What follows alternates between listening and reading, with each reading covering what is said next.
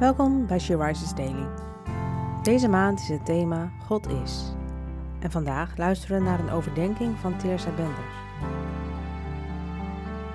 We lezen uit de Bijbel Psalm 91, vers 4. Hij zal je beschermen met zijn vleugels. Onder zijn wieken vind je een toevlucht. Zijn trouw is een schild en panzer. Wanneer je je toevlucht bij God zoekt, mag je je veilig weten.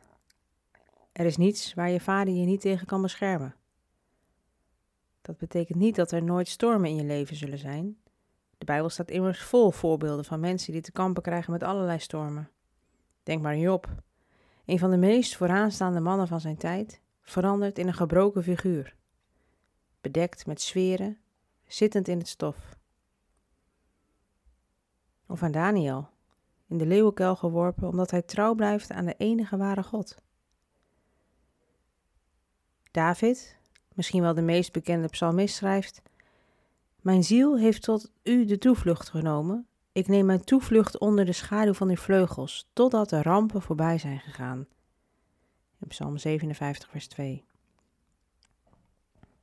Deze Bijbelse mannen hebben niet alleen een heftige storm in hun leven gemeen, ze zijn ook alle drie standvastig in hun geloof, wanneer de tegenslagen hen treffen.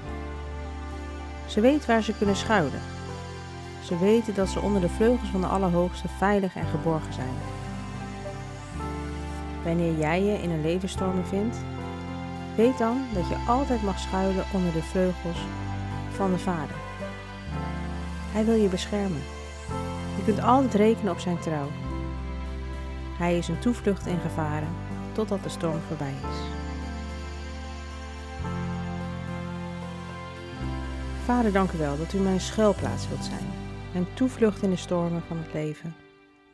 U bent mijn rots en mijn schild. Wat er ook gebeuren zal, Heer, mijn toekomst met u staat vast.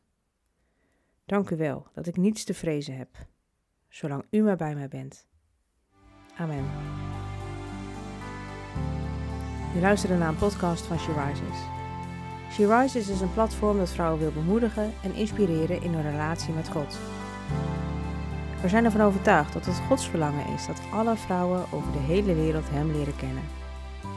Kijk op www.she-rises.nl voor meer informatie.